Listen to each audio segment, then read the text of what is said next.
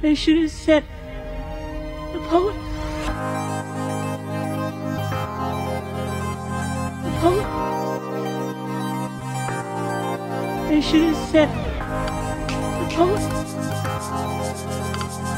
The poet.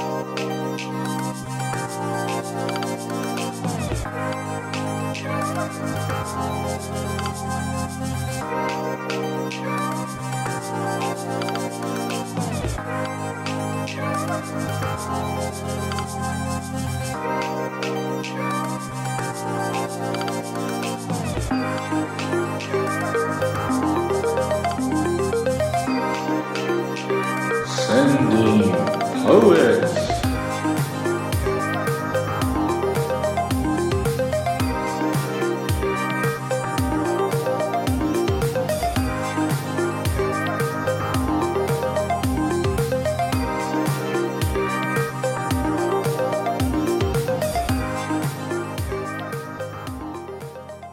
This is Sending Poets, a podcast about ideas. Our goal is to understand metaphorical truths within the beauty we find in the human experience. My name is John. With me is Bob. Good morning, Bob. Good morning, John. And Tucker. What's up, Tucker? Good morning, fellas. And uh, we are going to wrap up our conversation on the 2023 Holberg debate. Does consciousness extend beyond brains? Good stuff coming up here. So, one of the things I wanted to start with that we hadn't talked about yet in the debate, there's a brief mention at some point.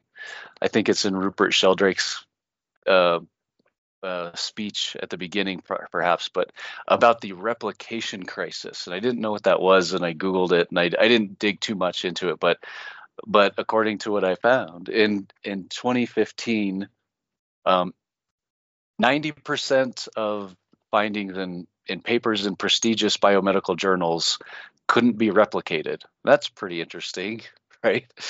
So, uh, what do you guys think about that? Like, eh, the way I interpreted it was all these things that have been maybe uh, proven at some point or another, um, and things that maybe someone might read and go, okay, I can just assume that that's still true. I don't have to, you know, recreate that and find that uh, result for myself. I don't have to do that experiment myself. I can take this paper's word for it. 90% of things uh, couldn't be replicated. Wow, right? It's a little problematic. Terrifying. and I, you know, again, I didn't dig into it, so I don't, you know, out there, I'm sure somewhere it's here's the things, but just the I'll- I'll percentage alone is like, wow. I'll say two quick points on this, and I'll, I'll relinquish. First one, seems like the the buzzword today is meta, meaning uh, meta analysis. So combinatory. They take many studies and then Mm, try to derive some sort of an understanding from multiple studies. I think that's kind of the future. Not a solution, but I'm just saying. Um, number two, I would say that are these restricted to social sciences? I I I, I, I kind of recall that this was um, Yeah, I mean, it says biomedical journals, so yeah. biomedical. like- Okay. Um, I think you know there's probably a definitional issue with the word proof. Like, is it a mathematical proof? Can we do that with Mm. experimentation? I disagree that we can. Empirical proof, what is that? You know, it's like let me let me. Well, I I'll relinquish, but I, I just think it's probably a nature of the beast. Meaning, if we're talking about uh, sociological things, human-based uh, studies, what they're really looking for is a headline that says. Uh, you know, um, study says, you know, or, or whatever. That's that's the headline is going to be studies show, right? This Yeah. is the they say studies show people named uh, Tucker are, you know, unlikely to uh, live past 140. I don't know. I mean, right? There's something. It's some kind of like, okay, Yeah. so what? But but it doesn't have to be true science. It doesn't have to be replicatable. It doesn't have to go anywhere. It's part of a headline that's going to be inserted into a clickbait article that is driving views to prop up, you know, advertising or something like that. Yeah, it, I feel like it ties in a lot with maybe last episode or two episodes ago. Um, we were talking about you know sides of the story. The old adage is there's two sides to every story. I had been thinking like I think there's infinite sides to any story. But Tucker, I remember you said there's three sides, right? There's, you know, person A, person B, but the third side is is time or the truth. I think is actually how you said it, right? The truth, which you know, time is such a factor there. So, you know, okay, so like you said, Bob, maybe this 90% was based on, uh, you know, an algorithm that just looked through uh, headlines and, you know, wow, over the years. I, I, in other words, like I think I can see it being very reasonable that that a high percentage of things couldn't be replicated because dude if if the particular finding the particular statistic is based on something from 50 years ago 100 years ago yeah no shit it's not the same now you know like time is such a, a factor we no one can escape so the idea Well, that what is proof? You you can't uh, proof that at this time in this place with these people you got this result. Mhm. But that doesn't extrapolate to today's time, today's people, today's yeah answers on a survey. I think that's your point. I agree with that. Is that you're not really looking for a quote unquote proof. They're doing science with big air quotes. So it's not supposed to be able to be replicated. It's not truly science. They're not unco- it's like a survey of today. It's like doing a map of the way the ground looks today. Doesn't mean the earth doesn't change mountains into deserts. It does. And the ocean, you know, recedes and and, and advances. But in today's day, this map is useful. I can I can follow this river to this, you know, valley and I can go camping. Doesn't mean it's going to be there a million years from now or it was there a million years before. But, you know, today but it's different than like I said, like a mathematical proof, which is more like truth. Well, in Yeah. a little bit, I did look into it, which was not extensive, but it did seem to lean more on the psychology side as as opposed to the medicine side. But I mean, you see it in medicine too. It's like, you know, this year one glass of wine and two cups of coffee will extend your life by 10 years. And then next year Right. it will be the exact opposite. And it's just, Yeah. 100%. you know, 100%. looking at data that way i don't think is is useful when i think we all kind of know deep down that eating a healthy diet is going to extend your life and not eating a bunch of processed crap is going to be beneficial to you you know it's But, but let's let's talk about this. This is a right to the heart of it, meaning I, I use that as a pun, like margarine versus butter. Like one was thought to be, you know, clog your arteries and you'll have a heart attack, and the other one was so good for you. So it used to be we had butter, and then came this margarine shit, you know, and then Uh-huh. that that became the big thing because then you don't have to eat the butter. But now, obviously, now we're like, well, maybe not so fast. You know, maybe not so fast. Maybe we should go back to the more natural product, and on it goes. Now we're in the realm of microplastics or whatever. Like, who knows? Who knows? Honestly, who knows? yeah But I mean, our- our- the fact it's changing. Yeah, and part of the thing that's changing is our physiology, right? Is that's not um too out of the realm of, It's possible. of Absolutely, truth here, dude. right? Like, I think it's possible. know, yeah. the fact that every single person on this planet has gly- glycophosphate in their body that that wasn't a thing yeah, a hundred years ago Totally. you know like we're not the same we're the same organism but we're not we're not the same you know we're full Well, of all sorts of, of, there's a lot of epigenetics going on. So the expression of our genes does actively uh, become influenced by environment, and it is passed down generationally. So we have a lot of interesting um, functions happening happening simultaneously. Obviously, look at just diet, right? How, what is this? Have you ever gone to like uh, you know those uh, Plymouth Rock or something like this old timey place from the first colonists and whatever. You go look at their little houses. Go look at their little entryways, or go to Europe and like, Oh. go to some Irish place or something. Some little. yeah, And you got the doors are like you know, 55 inches or something. I mean, it's just like you know. yeah, Uh, so we're not different genetically in the last 200 years. Obviously, you know that doesn't make sense. But what does make sense is diet and you know epigenetics. Yeah. Yeah, right. It's just part of the whole process there that uh, change change is just gonna uh, it's it's one of the few things like I feel like I can be absolute about. You know, change changes. Yeah. Well, but but here's the point of it. Though. The point of it all is humanity itself is a complex system. It's not going to be unraveled scientifically. So a complex system is not like a complicated system. Like a complicated system is like your car. Okay. Because if the car doesn't start, is it your battery? Is it your alternator? Is it your starter motor? Is it your ignition? Is it you have a million, but you can figure it out. Okay, it's complicated. Complexity, if I move one piece, like a neural network, a thousand ripples will occur in unpredictable ways because ripples interfere with one another and there's destruction and amplification of signal, all this crazy stuff. And so you get to this level of complexity like humans. I don't think you can call it science. I really don't. I, I think it's mis, misnomered. Well, it's certainly, you know, challenging. It's in in back to the debate. It, it seems like um, Anil of the three of them, Anil seems the most passionate about trying to be as scientific as possible trying to you know he has i feel like one of his maybe compromises was when he shared uh, i think it's a saying probably that floats around but i hadn't heard it before but take people's experience seriously but not literally you know whereas tanya luhrmann is like yeah take it seriously. Uh, you know i don't think she was saying also take it literally but she seems much more interested in um, that gray area and and maybe less in being able to reproduce and do things in the lab as it were right? It's it, that that's kind of what well, i she's like a met she's doing the meta analysis right? She's exploring as an anthropologist a thousand different cultures.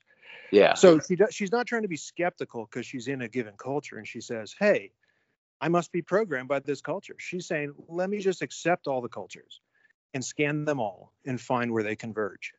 Yeah. Which I, you know, again, I, I think in the beginning when we start talking about this, we all shared who we sort of felt like we related to most, or you know, whatever. And that, that's one of the reasons I think I re, or relate, or at least appreciate where she's coming from, because I think I think that's just kind of similar to to my vibe. You know, I think maybe in this complexity that we're talking about, it, it is you know, Bob even said, like, can you even call it science? You know, it's like, yeah, that makes a lot of sense to me. It's just, oh man, that's it's it takes it's gonna it's got to take so much discipline to really try to be as accurate as possible and and do these things in as controlled an environment as possible and really try to account for all the variables. Whereas, you know, yeah, it's like I don't know that I have that interest. I'd much rather spend that time focusing on which 17 syllables are the best ones for this haiku. You know what I mean? That's that's where like my energy is like feels I, my well, passion was, is or whatever, just, you know. I was just gonna say though, John, the, the, the science starts with imagination. The science starts with a hypothesis. The hypothesis yeah. is imagination driven. It doesn't start with observation. It doesn't start with reality. It doesn't start with results. It doesn't start with conclusions. Starts with what if? What if this thing will happen? I don't know why, but what if? Well, what if it does? Yeah. How would we test it? Well, this is a way we could test this what if. Well, then let's do it. And so that's the magic sauce is it's both the haiku and the falsifiable experiment that is run based on, you know, predictions made from the beauty of the haiku. Beautiful. Well said. I think that kind of ties in here with this other point. You know, we talked about scopaesthesia. There was a another term Rupert Sheldrake mentioned, extramission, about the um, you know light or maybe a force not being something that only comes into the eyes, but also maybe something that goes out from the eyes. So I do have an update on this uh, exper- experiments. You know, the staring app on his website. We tried it last night. Uh, almost forgot to do it. We were in bed. We were falling asleep, so we were already naked, so that worked out. but but uh, but check this out, and you know, coincidence, sure, but if you remember the last time we tried it, you know, Kim was sitting on a couch. There was there was stuff in between. I, when I when I told her like we should be naked to try this, she's like, "Why do we have to be naked?" I'm like, "Because there's nothing in between." Science. Science. Yeah, Science. We got, we got to try to eliminate if if if the hypothesis again, the hypothesis is that I'm emitting. In this case, she she was staring. So if you're if she's emitting a force at me and I'm trying to tell if I can feel the force, then the less things in between her eyeballs and my skin where I'm feeling, the better, right? Like let's start there. That so. so she kind of was like, okay, I I guess I get it or whatever. But anyway, so but the first experience or By the way, experiment, all, all teenager boys out there, that's a life hack. Okay, just FYI, that's a life hack. by You're the welcome. way. Naked for science. You're welcome. Okay. Oh wow. Okay, thank you. That's uh what if that comes back to us one day? Anyway.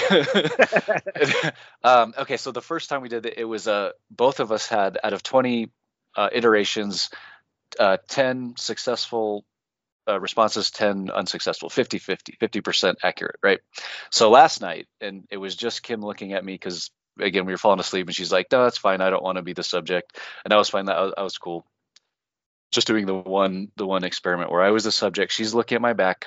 I was 70% accurate. Wow. On yeah. So what does That's that tell weird. you?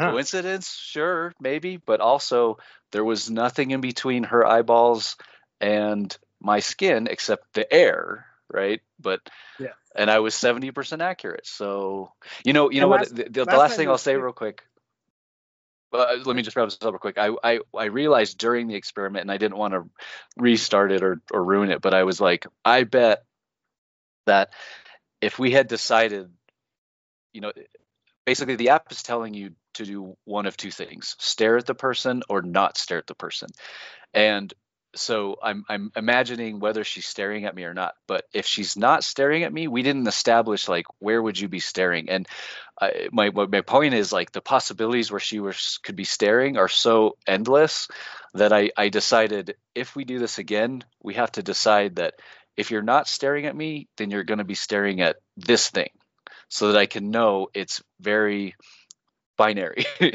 You know it I, I think i would do even better. That's my hypothesis that i would do even better knowing that right now she's either staring at my back or she's staring at this thing versus she's either staring at my back or she's staring at a hundred other things that she could be staring at. So we'll I- see if I- we do I- it again but that's my hypothesis that i would do even better. I, I hope you guys do because what I like is the evolution of the experimentation process itself. I think it's fascinating that you're customizing as you go and trying to eliminate um, you know some some variables right and try to streamline the process and try to get to the essence of the thing i think that's actually beautifully representing real science So you have, uh, a, N- you have an n of one though but that's a problem I- Yeah. I'm were you sitting down while you were doing No, this? we were laying down. We were laying in bed, and so I was on my left side, and she was on her left side, and she was, you know, um, two feet from my back at, at most, you know, less. So she was very close, also. So that's a, another variable in See, there. is how, I, I how, don't. Yeah. how I far? don't- yeah I think you need to refine this because you were so close that she could probably only, you know, look at 70% of you, and that's why you only got 70%. So next time, I think you should be blindfolded, butt naked, Superman pose, standing far enough away Yeah. that she can see all of you. Every you know? fucking yeah. Yep. nice. Because you're the way, the the antenna, is you know. just- the Yeah, control yeah. is just John in a room by himself, Superman naked on the bed. That's just I'm ready. see, see Uh. you know, Kim, Kim, you know, I love her. She, she, she. I, I can appreciate that, even though I just thought of this, but I thought of it. We talked about this before too. I, I, I thought of her saying this in my head. I imagined her saying this that, you know, she'd be like, "Okay, you're ready. Okay, see ya," you know, but not let me know. And I'm just standing there, like, "Are you doing it?" And I'm just standing there in this pose, like, "Where'd you go?" You know, it's like written in a TV show. Like that would be funny.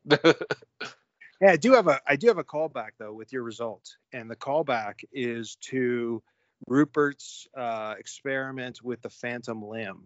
In that, I think we all posited it was probable that whoever is that close, even though there's like a wall, so to speak, between you, you might be unconsciously sensing, meaning hearing or feeling or some kind of vibration, some kind of low frequency. Like you kind of understand there's another person over there yeah. and then and your gut tells you you know say thumbs up for this one and you don't know why and you do it and then after the fact oh yeah it was the phantom limb that was what i was keen on or whatever so i'm saying when you're like really close in bed maybe even just like blinking or, or turning your head slightly would uh give you some kind of an unconscious cue. Just FYI. Mm. I'm just- Yeah, yeah. Mm. Yeah.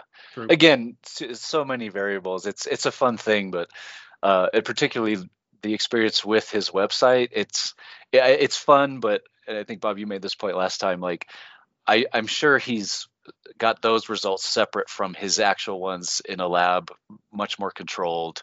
And when he's talking about his, you know, hi- his whole point is when you do these tests in a controlled, you know, it's it's way more than just uh, average coincidence by you know guessing there is some that that's his point there is I think he said the there. phone call one was like 60% or something, right? The phone Yeah. call one, where it could be 25%. So yeah, I mean, I, I, I would like, I think there's enough. This is what drives the experiment. Because like if it's always the same, no matter what you do, none of the variables matter or whatever, you just give up. But as you start tweaking it, and you're like, well, maybe this is working, but maybe it's because of this or whatever. I think that's the evolution. So you got to get some kind of an interesting result, and then use that to to to step into the next iteration. Does and And the Uh, flip the side ad- of real, real quick, and the flip side of your customized uh, N of one, but thoughtfully evolving and iterating process would be many, many, many people just kind of randomly doing it or doing it half-assedly or something, but doing it in the millions or the tens of millions, such that you can detect, you know, some cor- kind of corollary pattern in the in the giant data set. And that's and then it goes back to the meta-analysis and all this. So Mm. I think that the the two ways to go about it very properly precisely evolved so your your feedback is is prompting your next iteration and then just doing a giant you know long term large scale you know n of 10 million or something and then trying to find some deep pattern in that data that can't be mucked with like it's just a, you know a lot of information can be gathered that way does this kind of tie in um, a little bit? Maybe I, I think bob you maybe made this note about virtual images. Yes. So did you want to talk about that a bit? Uh, and to the point of, um, I wanted to talk about like the evolutionary component, meaning we've been talking about the projection. Uh, this is hypothetical. This is devil's advocate. So why would it make sense for someone to have a projection capability through their eyes and a, and a detection of that? And it makes a lot of sense in that if you could feel a predator looking at you, you would have an even if it's unconscious feeling like even if you do not per, uh, consciously perceive this feeling it guides your unconscious decision making and then your consciousness will rationalize after the fact doesn't matter what Mhm. you what story you make up but it would be hugely influential for any prey species okay and there would be a, a inherent desire unconscious evolutionary desire for predatories to hide this power or to prevent this power from being detected so there'd be like a war game evolutionary war game. And so part of evolution, you know, we can look at examples of this and it would be like humans evolve and all animals on earth have evolved such that any image we see, we propose unconsciously that the object is behind the image. Because nothing in nature have we experienced in a evolutionary sense where it's adaptive to propose that the reflection of the thing is not in front of the thing itself. So you get tricked looking into a mirror because it looks like a projection into the mirror behind the mirror Mhm. and it tricks your brain, but it's consciously you know there's nothing behind the mirror. But you, you can't help but focus your eyes through the mirror and, and change depth in the mirror. Um, rainbows are also an example of this, where you see the rainbow in front of you, but the sun is behind you. So what you're seeing is the sunlight being curved through the water droplets and coming back at you again. So the light source is behind you, but you see the rainbow in front of you. So these virtual images are very deceiving. Uh, and I would say that it's an example of evolution going towards the most common solution. So even though it's not the truth, so to speak, it feels better to assume that the thing is behind the image. Mhm. There's really Hmm. no evolutionary advantage, even though it's not always true. You can have Wow. and you can have Yeah. refractions. They exist. Okay. Reflect reflection and refraction exists and it's powerful. Let me give you an example, thought experiment. So you're on a bridge and you have a bow and arrow fishing rig, and there's fish underneath, and you keep shooting at the fish, but you always miss. And you're an expert archer. But one day this guy walks on the bridge. He's like, Can I try? He's like, Yeah, yeah. And he shoots and he catches a fish. And the guy is like, What in the world? What in the world? How is this possible? I've been fishing all day and I hit my mark every single time. And the guy's like, Well, I'm not really a good archer. I just kind of get near it. And I think I shot that a little high. So the expert takes his bow back, does it two inches above the top of the image of the fish, and he shoots. There's the fish. He gets it. So the, the answer is what we see, literally see, not a hallucination, we literally see a, an image, a virtual image of a fish. But because of the refraction property of the light going from water to air, the image of the fish, just like when you take a pencil and you put in a glass of water and it looks broken at the water line. Yeah, right. Yeah. So there's a, a literal, I'm literally seeing the photons of this thing. But then the truth is, this thing is in a different position. Not really where you see it, even though you are literally seeing it where you see it. You're not you're not faking where you see it. You're literally seeing it where you see it. But that's not where it really, really is. That just happened to us yesterday. We went to the Denver Aquarium, and there was, you know, a, a tank thing, and it had these things called four-eyed fish that I probably should have like looked at a little closer because I'm I don't feel like I'm I know enough to say exactly what they were, but but they looked like they were they were kind of like floating near the surface, and it it reminded me of like a alligator or crocodile. Um, but the not the nostrils of the alligator or crocodile that was like its eyes. It was at the end of its like if it if it it didn't have a snout, but that's where its eyes were. And I think they're called four-eyed fish. I could totally be wrong here, but I think it's called four-eyed fish because it is sort of an optical illusion. And what was neat about it is the the it's just like the broken pencil thing. Just it's exactly what you're talking about, Bob. Um, you know, you you you can stand up against this tank, but it's uh, it, it the it's like a half wall. You know, you can see the surface of the water. You can walk up to it, and the surface of the water is there, and then you can kind of crouch down and look through the glass and see, you know, the water. And it was that same thing that like, you know, with my eyeballs looking on the surface, I can see that the fish is, you know, right in front of me. But as I look down and look through the water, he, he's like shifted over to the right you Yeah. know, like eight inches or something. And it's like, oh, that's another one. That's a different fish. But then you look and there's no other fish, and you look back up and like, oh yeah, They're fucking- both real. Only one is true. See what I'm saying? Like both are real. Yeah. One is true. And and so this goes back to to the possibility of, hey, we see a, a thing. We've evolved to see a thing a certain way, such that light only goes in our eyes. It doesn't come out. But are we looking at it the right way? And let me give you Mm. one last example. Einstein, okay, general uh, relativity, curvature of space-time predicts that you can see behind a star because of its gravitational lensing effect.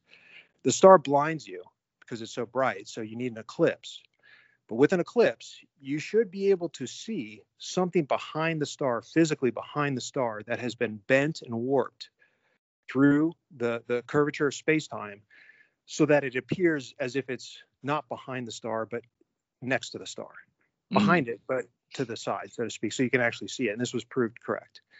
So things like this, where where you shouldn't be able to see this thing. It's the inverse of the refraction, meaning it's it's not hit. It's hidden until you see it because the curvature brings it into into um, your vision, but it's technically behind the star. So the real position of the object behind the star is literally behind the star, but we can see it bent around the star in because of the gravitational effect, the lensing effect of the star, but only when the the brightness is diminished. Mm. But, we, But, but this happens in galactic scale as well. You could have a a, a, galaxy uh, bend the light behind it and make uh, magnification happen at, at, at cosmological scales, and then also the creation of uh, multiple effects. So you can get duplications and, and quadru- uh, uh, tripling and quadrupling of these images through different uh, lensing actions. The point is, though, just because you've evolved to see the one thing doesn't mean that's really how it is. By the way, that's probably not one of the things I'm supposing here that that's in the replication crisis, right? That's still like that what you said. Um, it's been kind of proven, like the when the light is diminishing, diminished, you can see something behind it. Uh, you know, and by the way, the replication crisis again, it said it was in biomedical journals, but that seems like something that Well, no, the physics the, the physics has been has been confirmed quite a bit, and there's essentially the physics is different. In that one instance of it being incorrect is enough to disprove it. This is the the difference between like a sociological thing, where Mhm. it's more of like a spectrum of effect. You can say, you know, half the population will choose this option, you know, or whatever. But yeah, in, in physics, like if you get a result that doesn't confirm the thing, that's a huge, just one, just if, as long as it's true, you know, that's that's a Mhm. major problem. Yeah.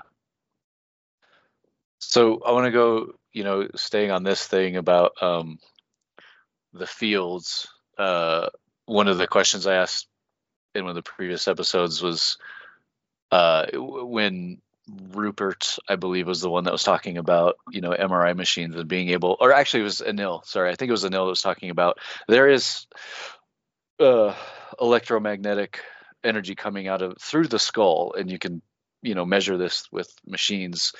Um, and you know, I had suggested, well, what if consciousness itself is just a different kind of field, and we don't know how to measure or perceive it yet? But Tucker, you had some thoughts here. Uh, Well, I wanted. I, I want to first. I want to play a little bit of devil's advocate on what Bob was saying about the the whole evolution thing. I, I could see it that okay, if there is this ability to sense when a predator is staring at you, then the successful predators are going to be the ones who don't bore into that that prey object. Maybe they're looking at its feet hmm. and so over time, not only has that been less of an issue for the predators, but it's also been less of a benefit to the prey. Where maybe that was a sense that was more developed earlier on, this this feeling of somebody staring at you. But as the predators learned not to stare directly at the prey object, but just near it, But what if the signal is unconsciously sent and received so that there's no Mhm. adaptation on the behavioral side? Like they don't detect that they're doing it or that it's being done. They make up a reason for why they ran away. And it wasn't that this thing was looking at Yeah. me. It was I Yeah. heard a I heard a, you know, a, a mouse fart in the distance and I, I just So I'm saying like it could be and, and by the way, I thank you for the devil's advocate. I appreciate that. You know, I'm not proposing this either. This is just uh, you know, thought experiment stuff. I, I don't Oh, sure. believe in, in that this is uh you know, but I love the idea. I think working into the uh, prospect of an evolutionary example of how this could be beneficial, I think that's super interesting to me. Like trying to detect why would somebody create this idea? Why would why would other why would other cultures have this universal concept? Let's just say of the soul, or you know, being able to do this thing. So I, I I'm I'm trying to give uh, just like the what was the lady in the middle position? Tanya Luhrmann. Yeah i, I think she gives she has that ontological neutrality. I think Yeah. it's really powerful. It's really powerful um, to be able to see a pattern for what it is without shaping the pattern in your prejudgment. Mm. and and I could even see it from the opposite perspective where just us as humans you get a feeling that somebody's staring at you so you turn your head and the act of you turning your head catches somebody attention and they look at you and when you turn your head and they're looking at you you're like I knew it they were staring at me but that's not what actually happened That's a good you point. know So you I have think- to make an experiment. You have to literally Yeah. do the, Yeah. the app and all that. Well, stuff. Well, here's here's a, a, another experiment we just did Friday night.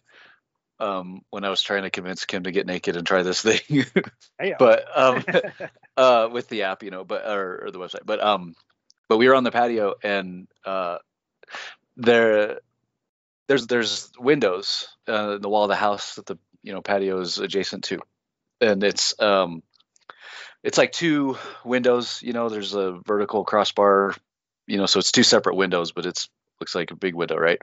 And uh, so inside the house, on the other side of the window, our Jay is sitting there. Our son Jay is sitting there on the couch, looking at his phone, and I'm looking at him through one of the windows, and Kim is looking at him on the right side of that vertical crossbar through the other window, and we're like, "Ooh, let's just stare at him. Let's just stare at him intently until he looks at us," and 20 seconds went by maybe and he wasn't looking at us and i was like wait a second I, I told kim i was like step to your left come next to me so that we're both looking at him. Together through the one window. We're like focusing our energy together. And i swear to god the moment that kim got close to me and our lines came he looked up at us and we were like oh it worked. But that's kind of what you're saying. Like i don't know coincidence you know? Let me let me dovetail off of that back to the uh, so we were also going to do an experiment. Went to a theme park uh, universal Yes. studios theme park. Yes thank you yeah. And I, I tried this uh, concept of you know staring a lane or something like making some Yeah. kind of an uncomfortable beam or whatever I, I didn't get any result i didn't get any result there but i do want to i do want to reinforce what tucker was saying okay because here's what happens you're in a sea of eye lines Mhm. and but you're like randomly scattered your waves are all on different you're talking to your significant other and your kids and you're looking at the sign and the tv and the this thing over here but every once in a while you will randomly lock eyes with somebody else out there and it is different it Yeah. feels some kind of like boom because you know when i say lock eyes i don't mean that you just kind of like see them looking in your direction i mean your eyes are connected and there's something there okay Yeah. i don't know what it is but when you uh, meaning I, there's a feeling there okay there's a feeling of recognition like a surprise moment because you're looking through and there's literally a thousand people are all around you thousand people and they're all looking in different directions all at the same time and coincidentally or they were staring at me first and i just happened to look over or whatever they caught me staring at them whatever there's this weird recognition moment and it feels like something so that's what i'll say it feels like something but i don't know No, I, I would agree, man. It, it you they call it locking eyes with somebody for a reason, and it, it it does whether it's a feeling or if it's an actual transfer of information. It feels like there is something communicated when that happens. Yeah. yes so bob i have it's to ask you though like it's, powerful at the evolutionary level. Like I like I would like the almost the hairs go up on the back of your neck kind of a thing. Yeah, yeah. So, so in your experiments of the the lane, I like how you described that, trying to emit this single lane. Um, yeah. What were you able to, um, you know, shut down any instinct to make eye connection? Because because the the whole point of it is once you make eye connection with somebody, you've broken that lane. The whole the whole theory here, I think, is that if you can avoid eye contact and have a single lock on your destination, that's that's the thing where people will just kind of part the ways, like you're Well, You're parting here's them. the thing. It's it's a double layer experiment, and for this I apologize. But it's it's combining the looking at the back. So I didn't have an experience where I like psychotically looked forward and like marched ahead. I like how you added that adjective. It's like I'm sorry, or adverb, I guess, right? I'm just But not yeah. that. I'm just not that guy. Okay, I'm sorry. I'm just not that guy. But I did do this. It, so let's just say there's a, a boulevard, and on you know the the right hand side, uh, there's everybody walking south, and on the on the left hand side, it was walking north or whatever. There seems to be like a natural dispersal pattern, so you flow like a fluid with your side, because obviously it's less cumbersome than trying to fight people coming on coming. Anyway, my point is, if I do look and try to lock into the back of people to get them to feel uncomfortable, because my my proposition was it shouldn't matter if it's a subconscious feeling. They're not really detecting it. They're not watching me watch them. They're just feeling some kind of way when I intently stare down the lane or something. And my point is, nobody ever parted for me. Never once was there like, you know, the Red Sea dividing or anything like that. It was all just a random people walking in front of me, you know, shuffling along, holding hands with their kids. And I never felt any um, connection, nor did I feel an effect. I didn't feel like anything happened different than what I've seen every day of my life when I walk behind people. So Sounds like you got to try it again. Oh, So I could try it just again. I, my own observation, Uh. and I, I take like concert crowds to be the perfect example. I think it's the crowd is steered by the tall people, and that's Mm. that's because they can see the, the the whole picture. You know, if if we're trying to get through a crowd, I don't ever put my wife ahead of me and go make the path Yeah, because she's shorter than most of the crowd. Like I walk in front of her and I I weave my way through the crowd and she just follows me and I, I and if you look at the crowds, it's usually that way. You know, the the, the tall people are kind of weaving and there's little people following behind them. That's So fast. if you That's here's a here's a here's a here's a Dune Part Two tie-in. Jo- Jamis would say uh, the best hunter climbs to the ti- tallest dune before he starts the hunt, so he can see. No, I you think know? that's that's it. I think that is it. You you would navigate by who can see because if you can't see, you're just yeah, following. You're not really navigating. You're following. Yeah. And and it, and it works in almost every crowd we're in until you go to Amon Amarth shows and it brings out every six foot seven Viking in a Yeah. 200 mile radius, and I'm just as lost as everybody else Yeah. at that point. yeah. Good point. So, so uh, yeah, Tucker. I don't know. I, I just really like what you wrote in here. I mean, I can I can read it if you like, but it was about you know higher dimensions. If there's higher dimensions, our brains um, somehow using them in ways we can't detect. Maybe. Do you do you remember that? Do you want me to just read what you wrote Yeah, here? Or? um, I, I think I can just kind of summarize off of what I wrote, but I mean, there are scientists who believe that our, our brains are operating on some sort of quantum level. You know, it's not necessarily just a physical phenomenon as we know it. And to me, if that is the case, where we're interacting with a dimension beyond the third, I don't know that we'll ever have that aha moment of we found consciousness because anything that exists on a higher dimension is not something that we can physically view as it is. You know, there if that's the case, there's never going to be an MRI machine that finds consciousness in the brain because it exists outside of it to some degree. And I, I think that's kind of what they're getting at. A couple of the the speakers is that there there are these things that are happening beyond the physical confines of our brain that that can't quite be explained. And if that's the case, then I, I don't know that we'll ever have that answer or that equipment to find that answer. Yeah, and you and you proposed here that well, so if we're seeing something, well, maybe it's you know to to go back to Carl Sagan and his vi- video on YouTube, you can find about Flatland that you don't see the tesseract, but you can see the shadow of it. That maybe that we're seeing detecting the shadow of consciousness. You Yeah. know, so I really like that idea. I, yeah, I I, would mean, we can we can get we can get the idea of what it is, but we'll never we'll never be able to scientifically set that paper on the table and say this is what consciousness is. We found it. Here's the two future what ifs I would say off of the truth that you just said, which would be number one, I think better uh, ability to use say MRI or some new tech, and then animal models. You know, something that's analogous to humans. I just don't think we're going to cross the line and start dicing up human brains. That's probably what you need to do to get to the real understanding. But you know, rhesus monkey, something like that, that's probably going to get you know thrown in some crazy MRIs here in a minute.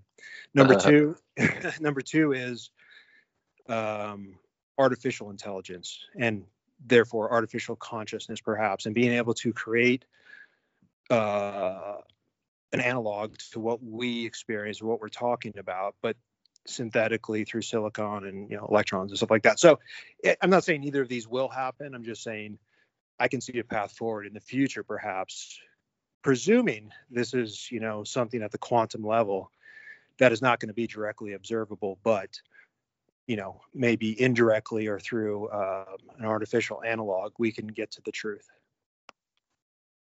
Yep, I'm I'm, I'm not saying it's impossible. Um, I I think that's a, a trap that we've fallen into too many times as a species, and we've proven ourselves wrong many, many times. So I don't like the point. world impossible, but there's definitely a roadblock there. This is Yeah. this is uh, a a very powerful concept, by the way. This is something um, Richard Feynman has an amazing quote. Physicist Richard Feynman: "Science is the belief in the ignorance of experts." Uh, Wow. It's a tough it's a tough pill to swallow until you realize all progress is made by the previous generation being wrong. and Yeah, some right. New generation saying, "You know what? I think you're wrong." Yeah. I'm not just going to believe what you tell me. So science is the belief in the ignorance of experts. That's what gets us moving forward. Wow. Put that in the show notes, by the way. I I I live by that Yeah. Feynman quote. By the way, Richard Feynman. We got to do an episode on this guy. Yeah. Um, yeah, we're just going to have to do an episode on this guy. I, there's a I lot of- uh, A lot of stuff there. yeah, I, I think my first um, exposure to him is in the movie Tenet. There's a line about uh, Feynman and Wheeler's notion that a positron is an electron or something like that. And I was like, who are these people? And I, because I wondered, did Christopher Nolan just make up some names? No, yeah, Richard Feynman. And then um, uh, Richard Feynman, the character, is in Oppenheimer. Um, Dennis was, Quaid's uh, son uh, plays him. I haven't seen the movie, but he was in the Manhattan Project as a young man. Yeah. That's right. Right. He had he was playing bongos. I don't know if that was No, that's based true. on real thing. He No, was a bongo guy. 100% Yeah. So so so that's in Oppenheimer's. That's great that they you know Dude, kept that. he was he was a bongo playing fool, man. He like he- we'll go we'll have to save it for the the the episode, but he's a curious cat. I think you can learn a lot of stuff from from understanding him if possible. Yeah. Say again. The science is the belief in the ignorance of Experts. experts. Yes. Nice. Excellent. and that, and that's such a it, it's such a powerful quote, but it, it's also such a double-edged sword because it's it it's what progresses science, but it also is what allows certain segments of the population to go, the Earth is flat. NASA lied. Yeah, no, I, I, I was I it's was like- wondering if I was gonna bring that up, so I'm glad you did. But yeah, Yeah. you know, get on TikTok lives of people debating the shape of the Earth, and that's one of the go-tos. It seems like for for flat earthers is just like, well, that's just what NASA told you to say. You know what I mean? And it just, oh, Well, there is there is. Here's what I think about the flat earthers. I, I I put some time into this. Here's what I think. Are you guys familiar with uh, the stock market at all? Uh, somewhat. somewhat. okay. yeah. Do you guys know what short selling is? Yep. Okay. So you're making a bet that the price of a thing will go down. And so what I see with flat earthers is they're playing this Cartesian crisis game where nobody can come up with how you are walking through the world making decisions without primary knowledge of anything. You have not really been the primary measure of any fact that you know, hardly any. I mean, maybe your, you know, your height and your weight or whatever. But I'm saying in the real world, we take for granted how many other people have done the experiment, how many other people have run the Mm. study, how many other people have made the observation. And then this gets shared. So the information system is advantageous in that we don't all have to measure the thing. Right. We share we share this information, but becomes a crisis when you and Cartesian is is Descartes. So Descartes realized I have no primary knowledge of anything. How am I a philosopher? And I don't know anything primarily?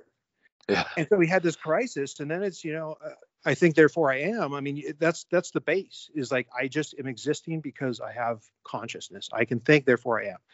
But i can't prove anything else. Like everything else is somebody else's telling me this thing is happening. So my point is the flat earthers are trying to push back on uh, appeal to authority. And they're like no no no no no. I i don't want to hear your words on why i want to be prove I want it to be to my satisfaction. I want to know, and I, I think most of them are trolls, obviously, but I'm talking like the. I was gonna say, I was say that sounds like a pragmatic. You know, again, like some people just want to watch the world burn. Yeah. That's out there too. No. But yeah, no, I, I love it. Yeah, what I'm talking about the the the because the, the trolls are not smart enough to come up with the idea to start. Like there was somebody really in there, I think, who was trying to Mhm. put an eye into the appeal to authority. They were trying to thumb their eye into the appeal, like the experts. Yeah. Expert Fuck you. Mhm. I want to know it my way. I want Yeah. you got to explain it my way so I understand. it. If I don't understand it, then it doesn't exist and I'm going to believe it's flat or whatever. And so I think there is some tension there. I'm not saying at all, obviously, that the earth is flat. I'm not saying that these people are credible. I'm just saying short sellers impacts price. And there's a discovery mechanism of the market that gives us price discovery, which is extremely difficult to find and it's valuable. So, just in, in for what it's worth, there is potentially some value to skepticism on an irrational basis. Yeah, yeah. I was gonna say. I think. Uh, I think Carl Sagan would would say that about the the importance of being skeptical and and everything. You know, I. Uh, again, one of those things. Like, if Carl Sagan was still alive now, what would he say about this uh, surge? You know, kind of. that I, I don't think existed before social media in the way it exists now. I don't know. I'm sure there have been flat earthers all along, but just the way I'm exposed I- to it. I You know. love to do an AI training to make it simulate Carl Sagan and ask that question. I'm not joking. I'm, Yeah. that's, that's a really cool question. That sounds, really, that, yeah, that sounds like a worthwhile endeavor for sure. for sure, for sure, for sure. You know. because he was such a great science communicator. It's not just like because I, I'm curious. I'm really curious what his answer would be because I think he would think about it in a multifaceted way, Mhm. and maybe he would be obviously counterintuitively as a cosmologist, but maybe he would be someone who could see the value in the interest, like the attention. It's drawing attention to the science. Now it's misguided in that they're trying to invalidate what has been, I would call, proven yeah, and not just proven a little bit. Okay. I mean, we're talking close to math proof. Like everything's a sphere out there. There's a reason why gravity's attracting these things in a spherical manner. yeah, Per- period. It's just like that's just it is. Like put a yeah, put a And it's drop not of just- water in space. Put a drop of water in space. What shape is it? It's a sphere. Okay. Case closed. There we are. We're Yeah. done. yeah. And it's not like it's uh, because NASA said. I mean, you know, there's Every heavenly body you can see is a motherfucking sphere. Okay. Show me one flat heavenly body that's not on Earth because we can all look out. Their proposition is we can't look back on ourselves. I think that's interesting. But we can look at the moon. We can look at Jupiter. We can look at the moons of Jupiter. We can look at Saturn. We can look at the sun. We can look, right? All these things are spherical. So, uh, you know, what Yeah. what counterfactual is in place other than uh, mind control or something on the on the uh, you know Earth planet that makes us any different? Yeah. because we're special. yeah, right. so another uh, piece here as we're kind of wrapping up. Uh, I don't think we specifically talked about the term panpsychism, uh, but it's mentioned in the in the debate several times, and it's this view that all things have a mind or a mind-like quality. Uh, the word itself was coined by the Italian philosopher Francesco Patrizi in the 16th century, so that's a long time ago. Uh, but it's from the Greek, the two Greek words pan, meaning all, and psyche, meaning soul or mind. And again, Tucker, you you added something to the agenda that I really appreciated the uh, image imagery. Um, if if you don't mind, maybe digging into that. And again, I I'm happy to read. The last part there is just this beautiful image you you uh, Well, I- I just kind of, you know,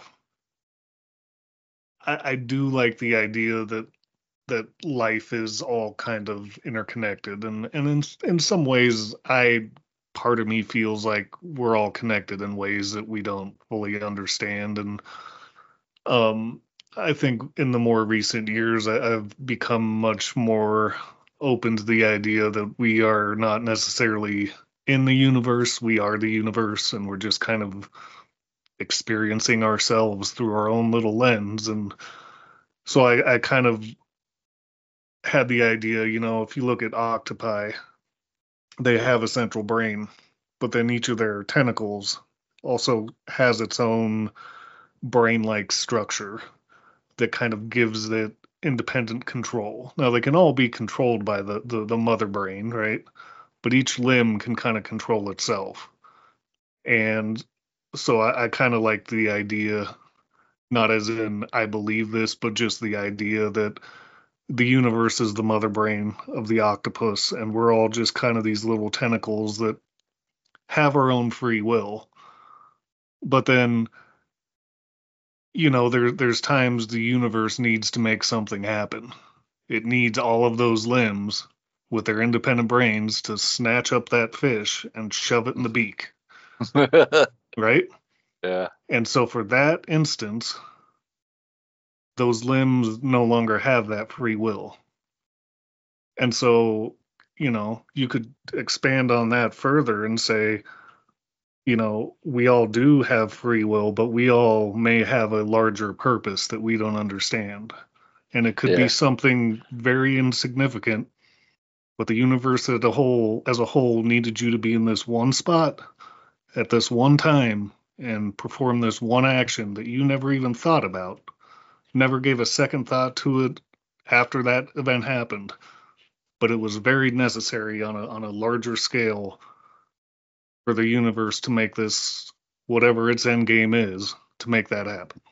Yeah, I love how you in, in the in the agenda you said once we snatch that fish and shove it into the maw, we go right back to flailing our tentacle however we want, dude. Fucking poetry, my friend. I love it. Yeah. It's just a, it's a very like um interesting image to to contemplate. So yeah, well done. Beautiful, beautiful metaphor, uh, very poetic, and and uh, cannot improve upon that. That is that is beautiful. Yeah, excellent. Um, so the other piece that wasn't in the debate, and and Bob, I know you thought there was a maybe a specific reason, but but you came across this article from the Guardian yesterday or Friday night maybe about near death experiences. So really fascinating article. Um, I think we have a lot to say there too. Uh, just doing a time check here. We're almost at an hour.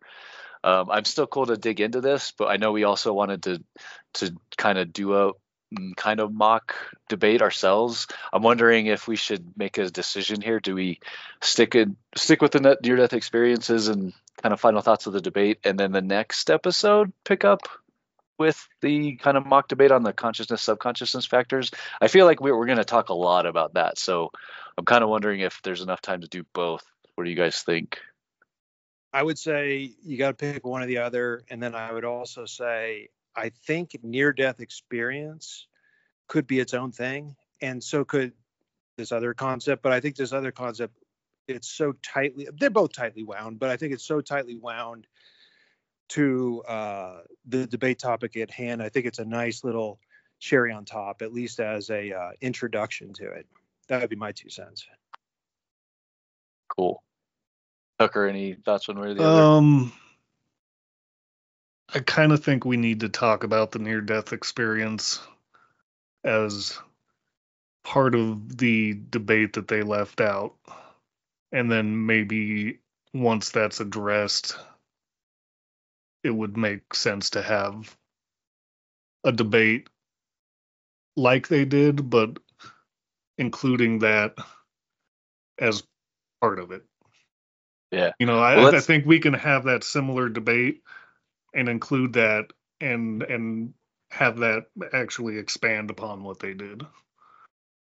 And now Yeah, I'm cool, literally cool. right down the middle. So John, you have to break the tie. I here. know. I'm literally right Let's- down. I could go either way. let's yeah well let, let's let's talk about that that article i first of all like really well done it's it's a long read i think that's the intent it's it's a nice contrast to just the quick bites you know headline stuff um the the, the opening paragraph is a teaser that doesn't pay off until you know the end. I mean there's there's a lot of work that the the particular author i think it's worth mentioning their name because they did a really good job. Who is it? Uh, alex blasdel um, talking about a particular patient one is the, the name that they gave. Patient one was somebody who um, you know was on life support and some weird shit happened with their brain when they were taken off life support. But you don't really find out the details until you read through to the end. And it was great because there was a lot of um, references to Yeah. yeah since um to to science pe- people sciencing it people researching near death experiences from i think all the way back into the 60s um so really well done article. Definitely we'll put a um link to it in the in the show notes uh actually as i'm scanning through here there's even references to the 1700s Uh, so it, so it really goes back. It was it was really interesting. But yeah, so Bob, do you mind sharing again? Like you, you thought there was a specific reason they didn't even breach the idea of near death experiences in the debate. Yeah, going back to what we were talking, or excuse me, what you led us off with, John, which was the replication crisis. I mean, it goes to the heart of this. And what is science? Like, is this science? So, uh, I think we're going to have an explosion of data because people are not dying from the same things, meaning people are being saved and recovered. And so, all of our data points uh, prior to, say, MRIs and stuff all of our data points were testimonials from uh, a, a, selection of survivors. So obviously, all the ones who did not have a near-death experience, they just had a death experience. We do not have testimony. Okay, so uh, uh and then obviously, you know, things like life support and uh, modern, you know, intervention, CPR, all these things can now prolong a gray area of not quite alive, not quite dead. And so we get to the definition what is death? Well, back in the day, you know, as soon as you clutch your chest and fell over, that was your dead. You know, nowadays, that's, that's just the beginning, especially if you fall over into a snowbank or something and you're cold. So there's many different uh, ways to look at the current quote air quotes science of the thing but that's not the same as what the the, the panelists were talking about in the Holmgren debate they were very much touching this this live wire of maybe it's not how we see it is. Maybe the world is just a shadow world and all this and that's a very fine line to walk if you're a scientist. So i think adding in the near death component where it's now is heaven or hell or it's afterlife mm. or it's whatever i think that's a little too woo woo for it to be acceptable in in, in their very uh, professional level discussion yeah, it's almost like they would need a fourth person who's really been an expert in that field in the way that Tanya right. was the, you know, in other words, like maybe maybe they didn't have Tanya, they had a near death experience person, and they wouldn't have brought up the inner homunculus, the tulpamancy, you know, because they didn't have someone to really speak to that. Yeah, that makes a lot of sense to me that they're just like, let's not even go there, maybe. Yeah, it's it's a really interesting thing. I just I, I pulled up this piece in um in the article it was uh, the young doctor attempting to revive people through CPR in the mid 1980s. Uh, senior physicians would often step into step in to declare the patient's dead. At, at, a certain point, they would just say, "Okay, that's enough. Let's stop. This is unsuccessful. Yeah. Time of death, 1:37 p.m." And this person recalled like that would be the last thing. And but one of the things running through their mind this person, uh, Lance Becker, I guess maybe it was his name, but um, he says one of the things running through my my mind as a young doctor was like, well, what really happened at 137? It's not like eh, that's just the time that the senior, you know, um, doctor, uh, the senior physician came in and declared it, but it's not like the person died because the declaration was made. They were attempting to revive the person. So that's another thing that was so interesting is multiple the the uh, journalists. It's semantic. It's a semantic game. What is death, right? It's when yeah. the guy says it's dead in 137. That means death, and that's not really what means death. Right. But because yeah, because there we, was what we call death is when the doctor yeah. says you're dead. right. Which yeah, what what is what is that exactly happening there? Because there's these multiple cases of people's. At some point, they said like it's when the heart stops pumping blood, I think, is kind of maybe the common or current indication of when some when death happens. But but you know, there's multiple cases where the heart hasn't been beating for like six hours and someone's revived and they're fine. So what's that about? You know what I mean? well, I think it's I think our medical definition of death doesn't necessarily do it justice. Um, you know, the, the instantaneous destruction of the brain that's that's death. You know, a sniper rifle shot to the head, an elephant stepping on your head. That that's uh, yeah. you can you can definitively say that that person died at that moment. Other than the instantaneous destruction of the brain, I think it's not an on-off switch. It's a a process that we're just beginning to understand what happens to the brain when the heart stops pumping. You know, it it doesn't shut off that instant.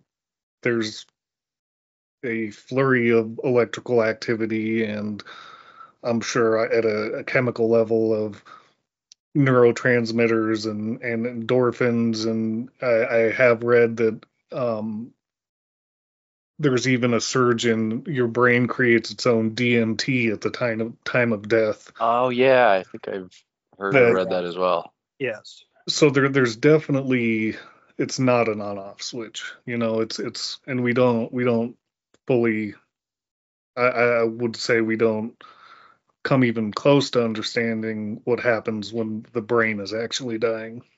Yeah. Um, what are you guys' thoughts about, you know, you- there's countless uh you know, I, I um instances, cases, I guess, of people's near death experiences being about going through a tunnel, right? Like towards the light. Something very similar to that description of a tunnel. Um, and I so at some point I read that somebody was wondering if it was the brain reliving the birthing process through the through the birth canal. Uh, have you guys heard that before? Yes. And what are your thoughts? See, so what's interesting to me is like that seems like it would be an easy one to start gathering data because you know not every human is born through the birth canal. I was a C-section baby, so in other words, like if I had I never if I thought about it that way. That's very Yeah. interesting.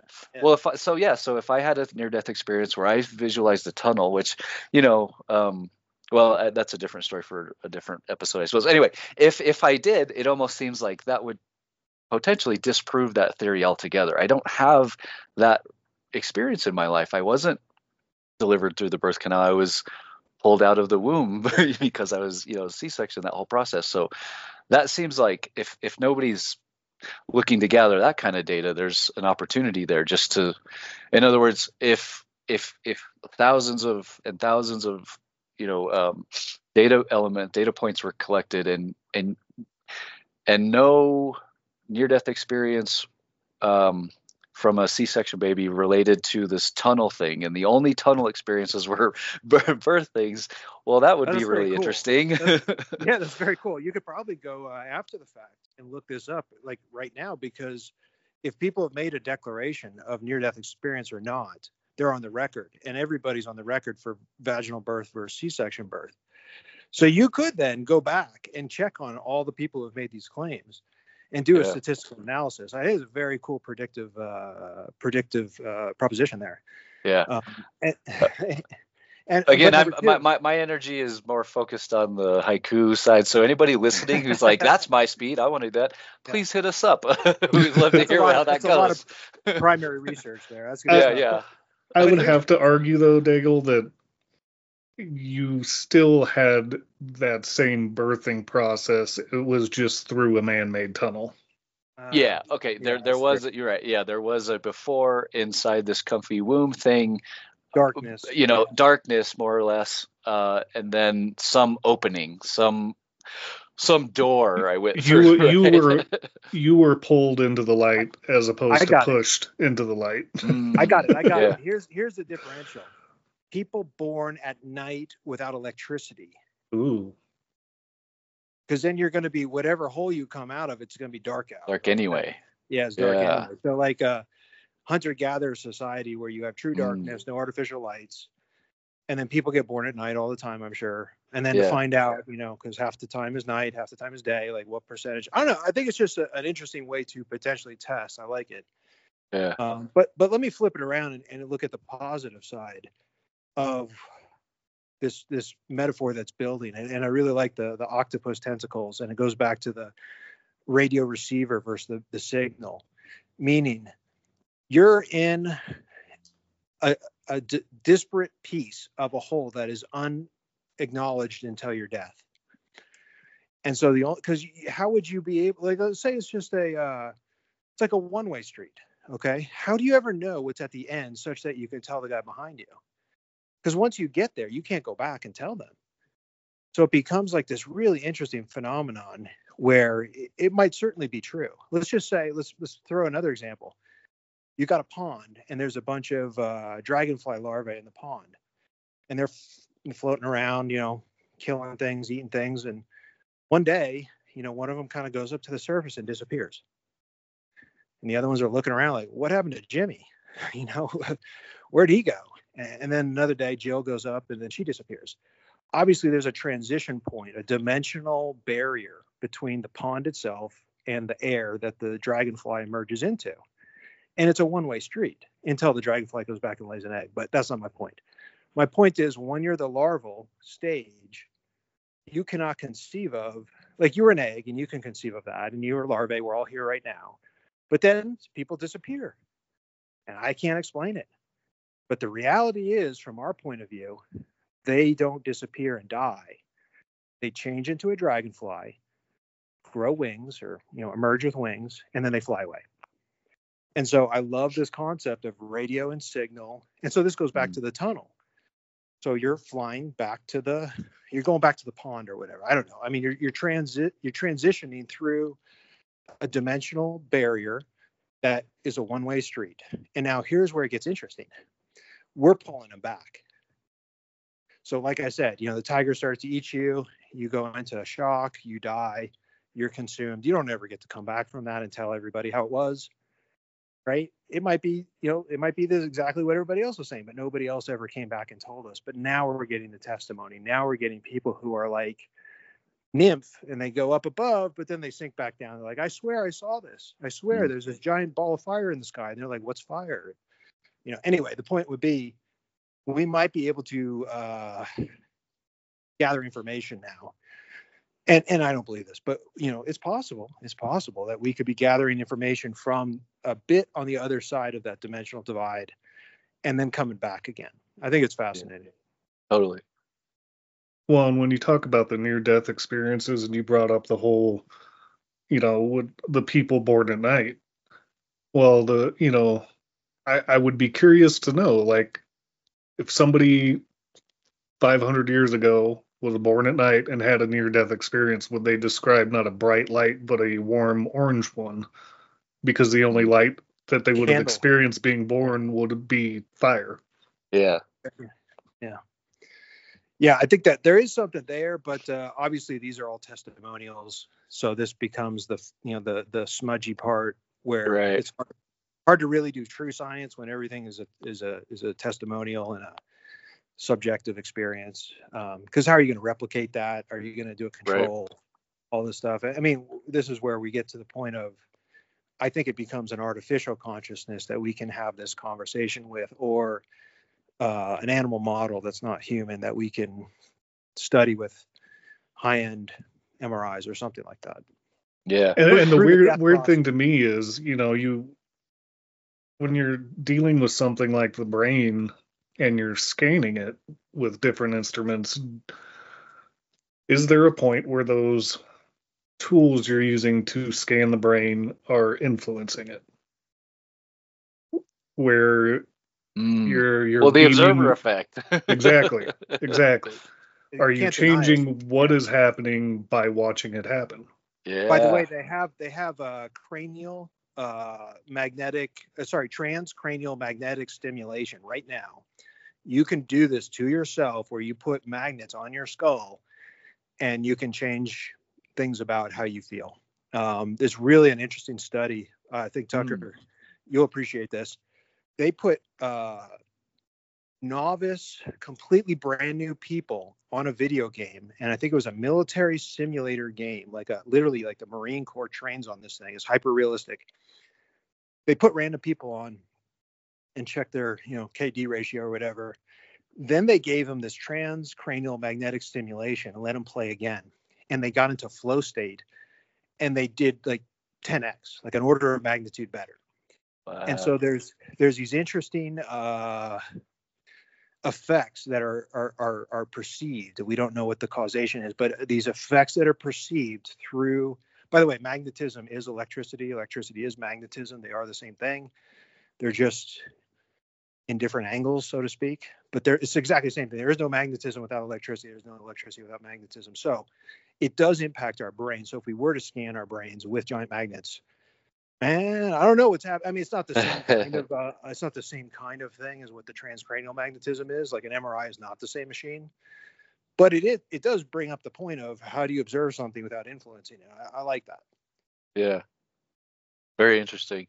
Um, one last thing, and just to go back to the uh, testimonial problem you mentioned uh, in the article on uh, near death experiences, really well done again, writing specifically this point that I, I've heard this account in various places about, you know, a person, uh, you know, on the operating table or something, near death experience. She floated up out of her body. She could see out from outside uh, the hospital or whatever. She could see like a shoe on a windowsill. You got that, that sound familiar? Like something that she could have not had any.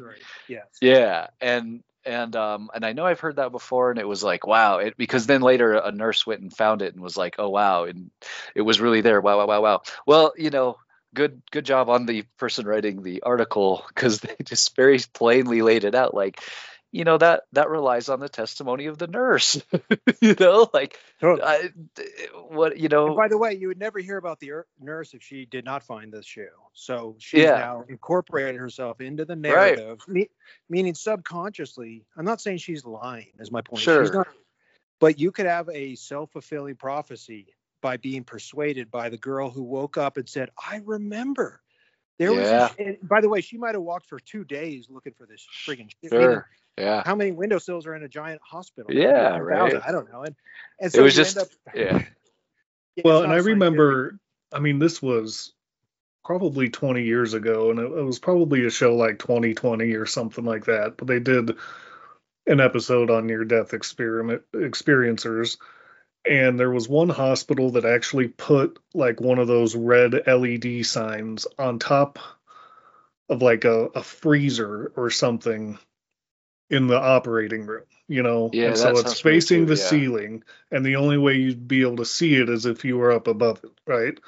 And I believe they had at least one case where somebody, you know, said, "I saw the message on the LED sign on top of the the freezer."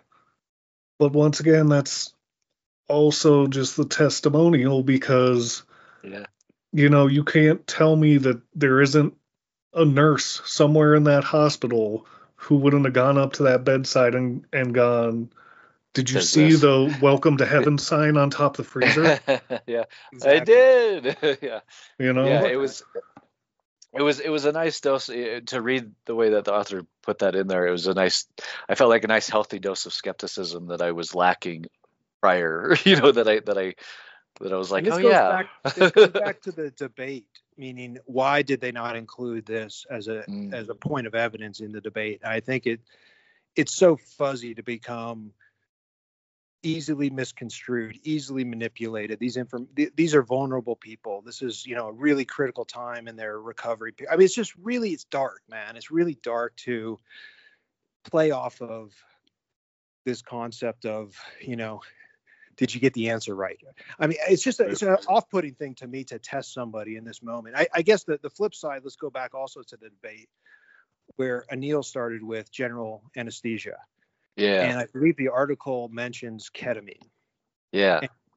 So my wife is a veterinarian. I sent her the article. We had conversations and she told me many stories. She uses ketamine many not personally. She uses it on animals of course. Yeah. she she uh she told me how the animals react and how um they are not unconscious but they don't perceive anything. They are literally in a dissociative state such that the pain exists but it is not consciously aware of pain so you have two things. One is the signal of pain, and the second is the awareness of the pain. I'm going to kick back to that Floyd song, Comfortably Numb. oh okay. yeah You can be aware that you are in pain and not experience pain. You can have a sense that you are not the thing that's in pain. You are above it. You are floating out of it. You are not contained within it, but you have the knowledge of it.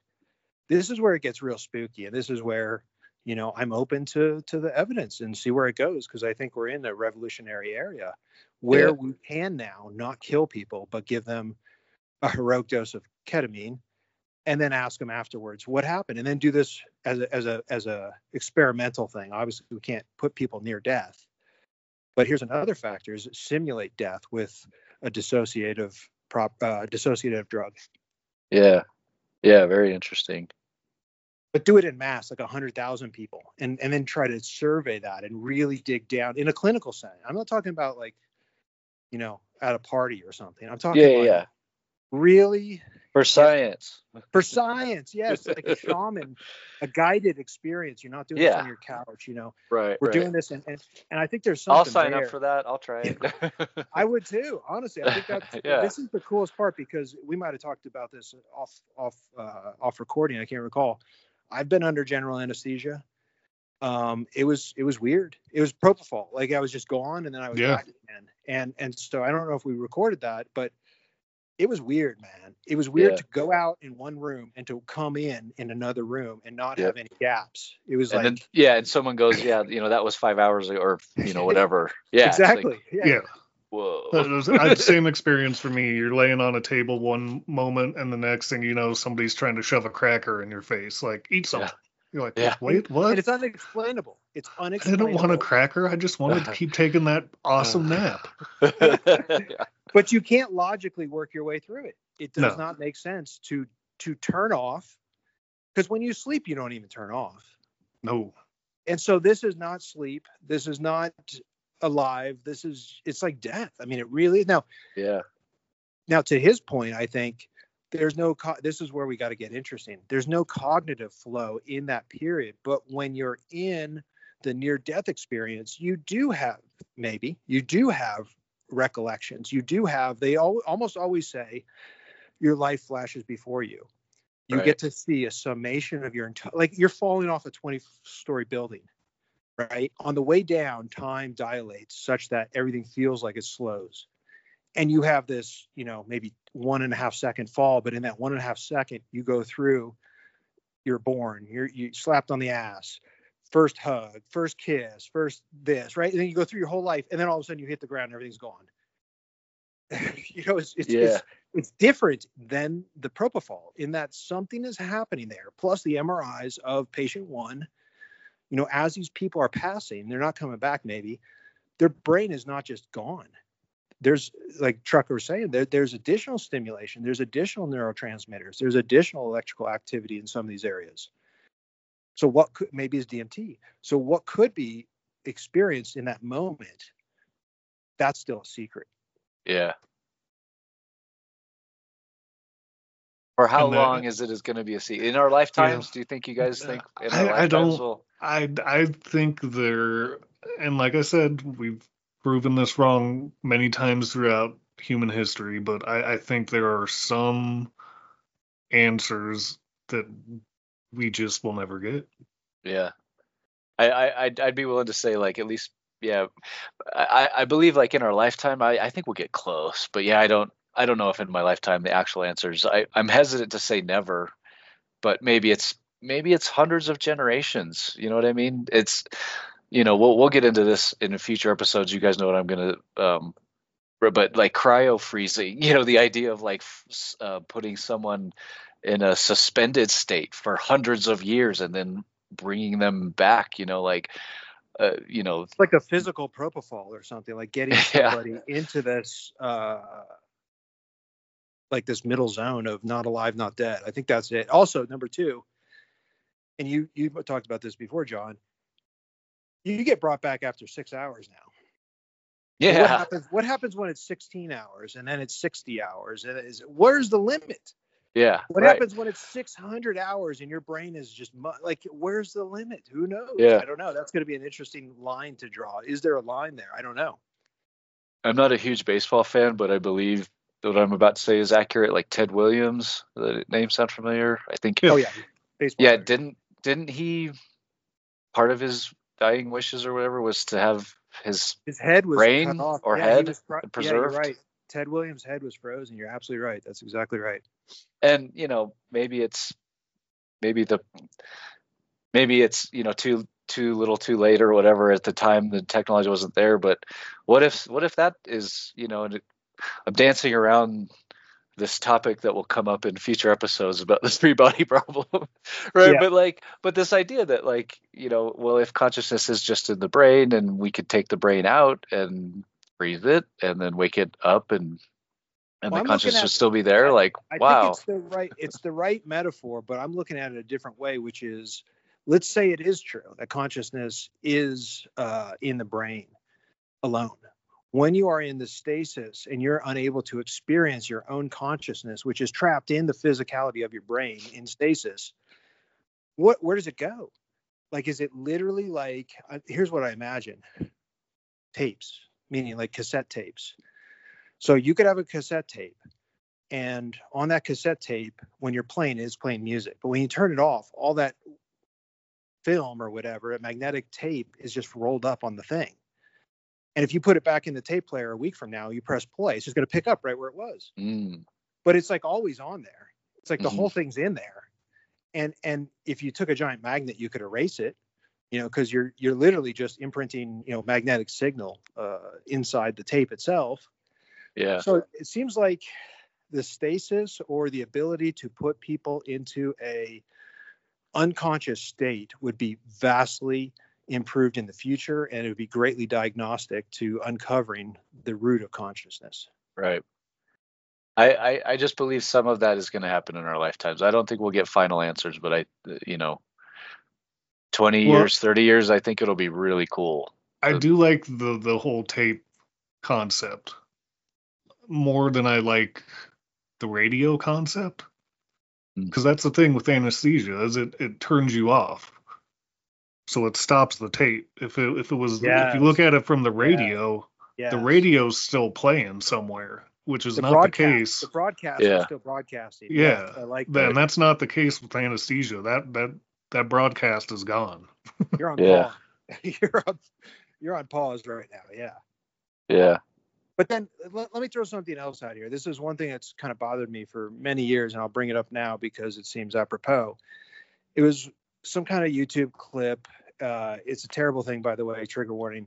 Um, this guy was uh, confronting, this father was confronting his wife and her boyfriend or something. He was trying to pick up his kids. It was his weekend or whatever, and they're arguing on the porch. And the one guy, the biological dad, is a big guy, and the boyfriend is a little guy. The little guy runs in the house, comes back with a rifle, and they're arguing and they're really heated. And the big guy kind of pushes this guy around, tries to grab the rifle barrel thing, and this guy backs up and pops him twice in the chest. And this guy just drops like someone, tur- not, not in the head, in the heart, right in the center of mass. And he just drops, does not move. And, and it's not even a rifle, by the way. It's like a pistol in a rifle body. So it makes like this little tiny, almost like a firecracker pop up. And the lady who was the wife, she didn't even realize, she thought it was fake or something. Like she thought it was Wow. an air gun. And so my point is, nobody reacts to this guy. So they just let him be.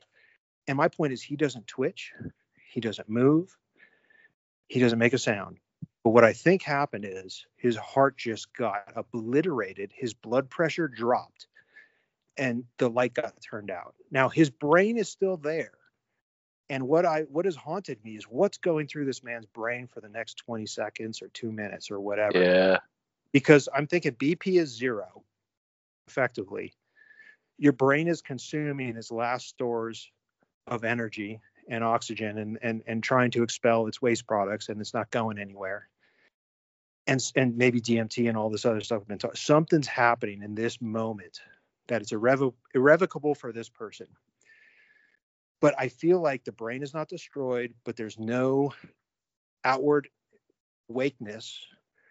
What is on the inside? Yeah. What is the experiential?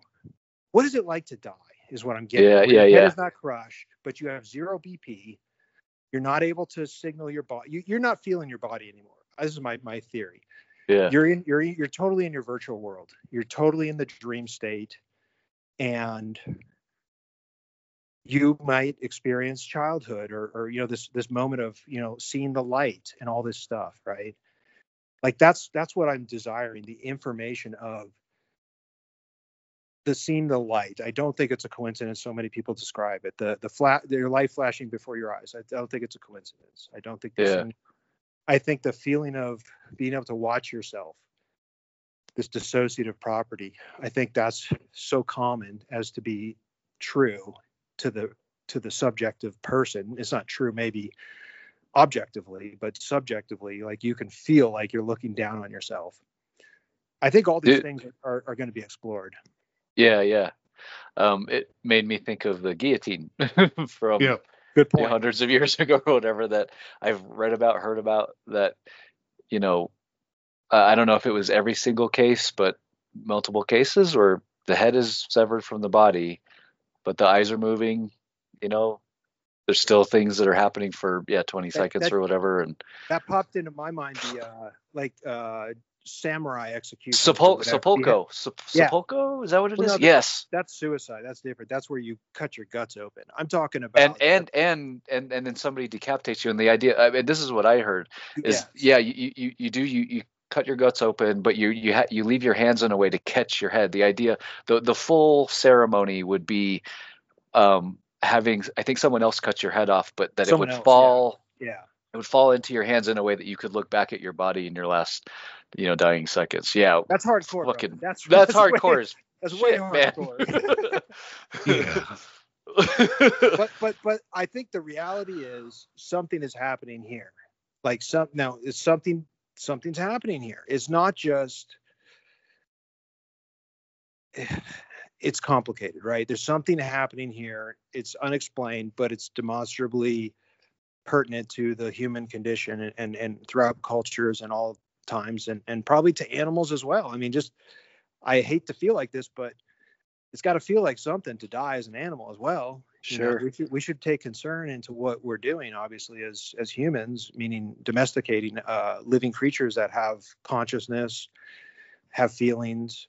Yeah You know, they they're going Um, to have this as well, and, and so I think it's a big big question to ask. Yeah. Obligatory contact tie-in that that line about it's hard to kill something once it lets you see its consciousness, you know. Oof, oof, oof. Yes, and, and, and what's that lady, uh, Temple Grandin, right? The, the yeah, right. design slaughterhouses to be more compassionate, meaning Right. to not get them fearful. So you don't have fear before you're led to your death, and and that's Yeah. a gift, obviously. Right. So I think we it's probably a good time to wrap up here. I think what we could do is just some like some final thoughts about the debate and the tone in uh, in particular, because I, and then we can kind of tease what we'll uh, you know let's plan this next episode. Um, but you know we we mentioned in the very beginning when we start talking about this debate that the moderator made a point to say generally in a three person debate there's the three sides are the defender of the faith, the person that's, you know, I'm here to say this is what we believe is true and I'm going to defend it. There's the counter argument, which is the her- heretic saying, no, that's not right. And then the third piece is the social democrat who's in between. And for this particular debate, he says, we're not doing that. All three of these people are heretics.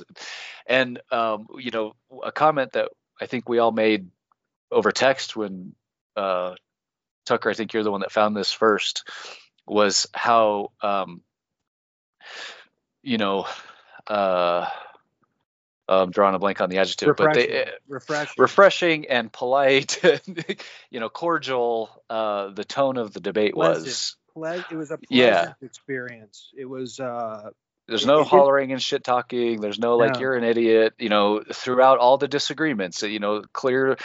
It was clear that there was three unique points of views here, um, but but nobody ever was, you know, disagreed with in a asshole-ish manner. Uh, you know, it was very respectable disagreements and productive, you know, um, disagreements. In fact, uh, take an opportunity here to say again, one of the things Anil says, the the beauty of of science is the ability to, to, to be productively wrong so that our collective Yeah. understanding so that our collective understanding always ratchets upwards and i thought this that the whole debate is en- encompassed that beautifully you know everyone was for being you know vulnerable good faith. Good to faith. be yeah yeah to to be uh, willing to be productively wrong so so i thought that was interesting i thought we just you know chat a little bit about that kind of uh format and well, how how hard is it to even find? Uh, let's just it- heretics well, no, I was gonna say just someone who's non-dogmatic. So even if you're a heretic, you're not dogmatically a heretic. This is this is a finer point to the major point, which is, you know, that that they were pleasant to each other. By the way, I think two of the three were British, so there you go. You know, that might be a thing. Sure. I don't know. But yeah, the cultural, right? The moderator was British as well. So right. so I think we, we get into this adversarial, you know, flame war trolls and and and you know, uh, trying to uh, Destroy like- the opponent. Well, I'm gonna destroy you. here's what here's what the image I have. It's not that it's a metaphor, but the, the metaphor is one of these YouTubers who's just trying to provoke a response. They're just, Yeah. they're annoying and they're just trying to annoy you just so you flip out because their their friends over there recording you. Mhm. Like that's half of what people are trying to do right now. That's not a debate. They're just trying to provoke the other person so you Yeah. You know. I don't think that's helpful. I'm not a fan of that myself. that's why this was so uh, refreshing and beneficial to look at it as not anything to do with the topic at hand, but at the composition of the conversation. And, and it really has driven me to appreciate and explore and be aware of what role do I play in a conversation? Am I the heretic? Am I the defender of the faith? Am I the social? Dem- it's a really cool way to put yourself into the frame Mhm. and and then also to be able to change your point of view your mind's eye your your subjective feeling so that you can change roles. And that is hyper beneficial this goes back to Yeah. the dog, dogmatic side. Dogmatic side will not relinquish their position. They are intransigent. They're going they're stuck. They they have to they can't even uh, they can't even do a devil's advocate or look at it through someone else's point of view and then you get into this like trench warfare. No progress is made. We're just sniping each other across 100 yards and none of the lines ever move. None of them and so what's the benefit of listening to these conversations and debates? So it's really about persuasion and, and, and discovery of, of truth i hope. Progress. Yeah. Yeah.